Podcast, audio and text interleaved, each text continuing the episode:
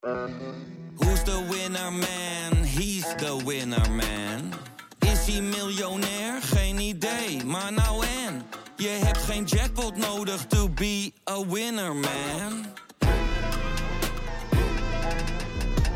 Oh oké, dat is wel lekker man. Hey VIZSM-luisteraar.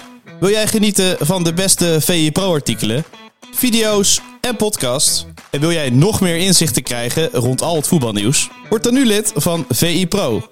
Voor exclusieve podcasts, tactische analyses, interviews met spelers en financiële inzichten. Ga nu naar vi.nl slash zsmpro voor de scherpste aanbieding.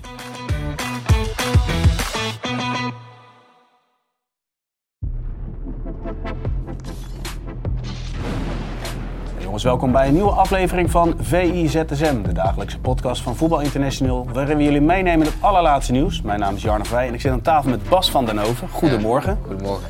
Ja, er staat weer een mooie Europese week eh, op de planning. Eh, voordat we de wedstrijden gaan bespreken, het gaat natuurlijk ook over de coëfficiënten.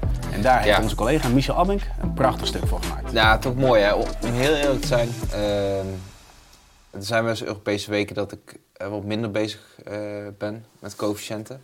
Maar Michel schrijft het op zo'n manier op dat je het, het, het gaat je boeien, zeg maar. Eh, het is voelt zelfs een beetje spanning. Ja, het, het wordt inzichtelijk gemaakt. Eh, wedstrijden die er eigenlijk niet toe doen, die worden plotseling eh, interessant. Ja. Ehm, een Portugese club die tegen een Franse club gaat spelen, bijvoorbeeld. Ehm, en Nederland heeft natuurlijk hè, dat tweede Champions League ticket eh, binnengehaald. Alleen ja, als je dit seizoen kijkt, dan sta je toch wel weer een beetje onder druk. Hè? Niet, niet voor de korte termijn, maar voor de langere termijn wel. Want er zijn nu dit zo'n acht competities die het beter doen eh, dan de Nederlandse competitie. En dan is eigenlijk de exit van Twente en AZ super nadelig voor Nederland. Ja, ja en, nou, ik denk wel op zich hè, dat de loting eh, voor de knock-outfase biedt wel perspectief. Eh, niemand, is, niemand van die drie is echt de grote underdog, lijkt mij. Nee, maar goed, pak even PSV Dortmund. We hebben Dortmund afgelopen week gezien. Eh, vanmiddag in het elfde van de week staat er misschien wel een speler eh, Ja, misschien wel. in. Ja. Eh, het wordt natuurlijk wel extreem zwaar. Nee, klopt, zin. zijn wel het is geen kansloze missie, maar ik denk wel dat Dortmund de favoriet is. Ja, alleen achtste finale Champions League kun je het veel zwaarder treffen natuurlijk. Absoluut. Dan is dit ongeveer wel het minste wat je kunt treffen. Ja, wellicht. Ja. Dus nee, ja, su- super interessant. En sowieso de knock-out fase Champions League, dat die weer begint. Die avonden, eigenlijk zeker als het wat lekkerder weer wordt. Ehm, het bier eh, koud in de koelkast. Eh, de grootste sterren van Europa tegen elkaar eh, zien spelen. Ja, we gaan daar al naartoe. Overigens nog Ja. even terug op de coëfficiënten. Frankrijk bezet op dit moment de vijfde plek. Nederland de zesde en Portugal de zevende plek. Ja. De afstand naar Frankrijk is volgens mij lastig te overbruggen hè, om, om Ja, klopt. daar op te jagen. Nederland moet vooral rekening houden met Portugal. ja, toch? maar zo eerlijk, ja. Ik, ik zat er ook over na te denken na het lezen van het stuk. En het is natuurlijk niet, niet heel triggerend om te zeggen of zo. Maar ik denk gewoon dat je wel tevreden moet zijn met de positie die je nu hebt. En dat je Absoluut. die positie vooral moet verdedigen. Ja. En dat je niet zozeer op Frankrijk moet gaan jagen. Want zo realistisch moet je ook wel zijn. De Nederlandse competitie is natuurlijk ook gewoon wel minder dan de Franse competitie. En ook qua financiële mogelijkheden is er een enorme kloof. Eh, en ik denk niet eh, dat, dat je die gaat overbruggen. Als je alleen al ziet eh, de aanwas van talent in Frankrijk, dat is natuurlijk gigantisch. Dus ik denk dat Nederland gewoon trots moet zijn op die zesde plaats. En eh, die zesde plaats vasthouden, dat het al een, eh, een geweldige prestatie zou zijn. Absoluut. Overigens, het stuk van Michel Amink was het meest gelezen item op eh, VI Pro. Lees het vooral terug en dan ben je helemaal bij over wat de stand van zaken is op het gebied van de coëfficiënten. Ja. Dan gaan wij ehm, ja, de wedstrijden van de komende week even bespreken. Vanavond mooie wedstrijden. Leipzig tegen Real Madrid en Kopenhagen tegen Manchester City. Ja. Nou, laten we de eerste erbij pakken. Ja, dat is wel echt een, een heerlijke wedstrijd. Real Madrid is echt in een bloedvorm. Zeker een aantal spelers is echt in bloedvorm. Maar toch Leipzig, super dynamische ploeg. Eh, goed in de omschakeling. Dus ik ben wel benieuwd hoe, hoe die twee ploegen zich tot elkaar gaan verhouden. Ja, Real Madrid natuurlijk eh, afgelopen weekend ook een wereldrecord eh, verbroken. Het wereldrecord van de meeste blessuregevallen centraal achterin. Vier centrale verdedigers die hij moest missen, Ancelotti. Ja. En dan toch Girona zo verslaan. Eigenlijk niets weggegeven ook. Eh, Nacho kan vanavond wel weer eh, spelen. Ja. Ehm, nou ja, eh, bij Leipzig, Sesco en Openda, dat, dat duo, dat is gaan draaien. Openda Ja. deed natuurlijk in de eerste seizoen zelf al goed. Sesco eh, pikt nu aan. Ehm Sesco is ook atletisch, lang. Real Madrid eigenlijk de enige kwetsbaarheid die je hebt kunnen zien bij ze de laatste maanden is uh, kwetsbaarheid door de lucht. uit tegen Atletico uh, kwamen ze daar ook in de problemen met de voorzetten. Uh, dus ik denk dat Leipzig daar wel op in gaat spelen. ja, verder, zonder dat Bellingham niet meedoet. Dat is gewoon zo, maar goed, Brahim Diaz gaat zeer waarschijnlijk spelen. Die is ook geweldig in vorm. Ja. ja Real Madrid, ja, ook als je kijkt naar de, naar de situatie in Spanje. Als je, als je deze ploeg ziet, ook met jongens onder de 23 die al of ja, tot met de 23 zeg maar, die al zo ehm, belangrijk zijn.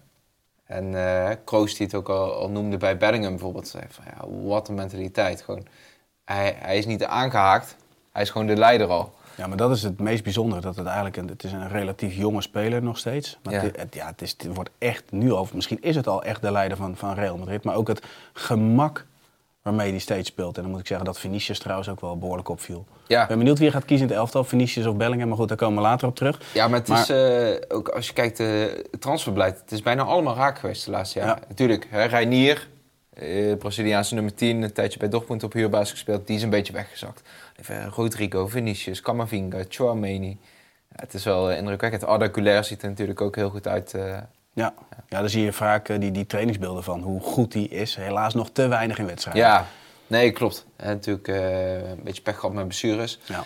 Maar ik, ik, denk dat, dat het ook wel eentje gaat zijn die, die aanhaakt uh, bij het rijtje. Maar dan, dan Leipzig. we zien natuurlijk mooie momenten in de Bundesliga... waarin je vanuit de omschakeling, Xavi Simons, die daar heel belangrijk in is. In hoeverre denk je dat Leipzig in staat is om Real Madrid in deze vorm pijn te doen met momenten? Ja. Net niet voldoende? Nou, net niet voldoende, denk ik inderdaad. Uh, qua speelstijl zou het moeten kunnen, inderdaad. Hè, met de mm snelle omschakelmomenten.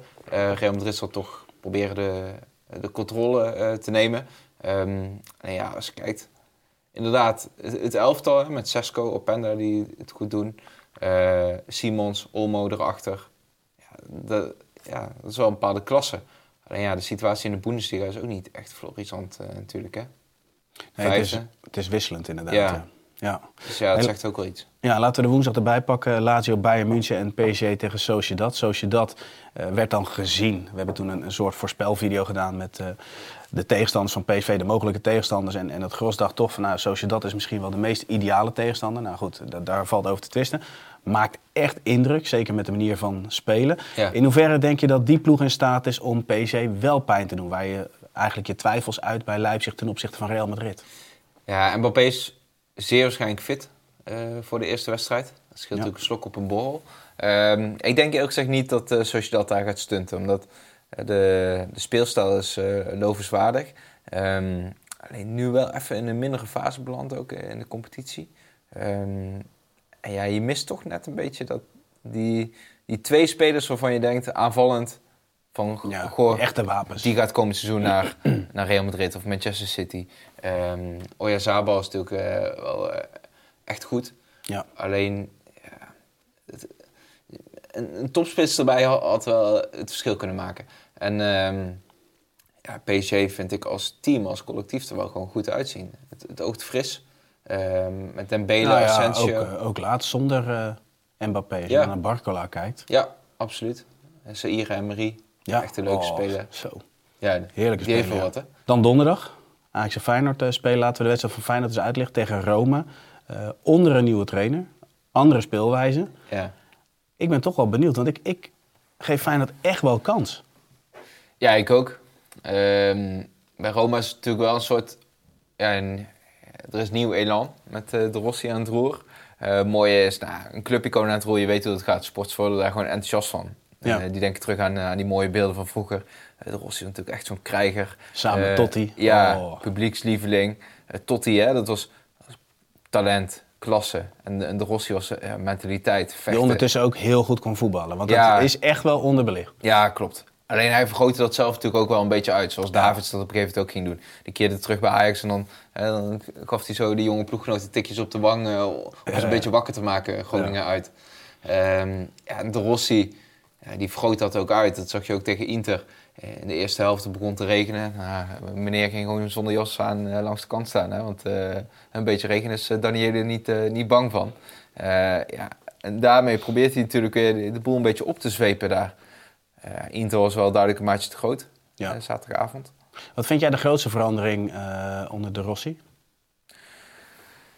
Ja, ik moet zeggen, de- daar staat hij eigenlijk niet echt lang genoeg voor aan het roer, vind ik. Eh, tegen, tegen Inter... Het eh, oogde al wel offensiever dan Mourinho. Dat is Ja. heel gek. En, en op basis daarvan zou je denken dat er ook meer kansen liggen. Voor Feyenoord. Ja, Ja, meer ruimtes bedoel je? Ja, absoluut. Alleen tegen Inter speel je dan weer met drie centrale. Dus ja, ik, ik heb het idee dat hij ook... eh, hij is er ook niet vies van om, om de ploeg aan te passen. Ik- het, het is nu niet echt dat ik denk van... Oh, ze gaan zeker op die manier spelen. Nee, afwachten dus. Nou Bas, wil ik jou bedanken voor je tijd. En eh, zoals we vaker zeggen, tot ZSM. Tot ZSM.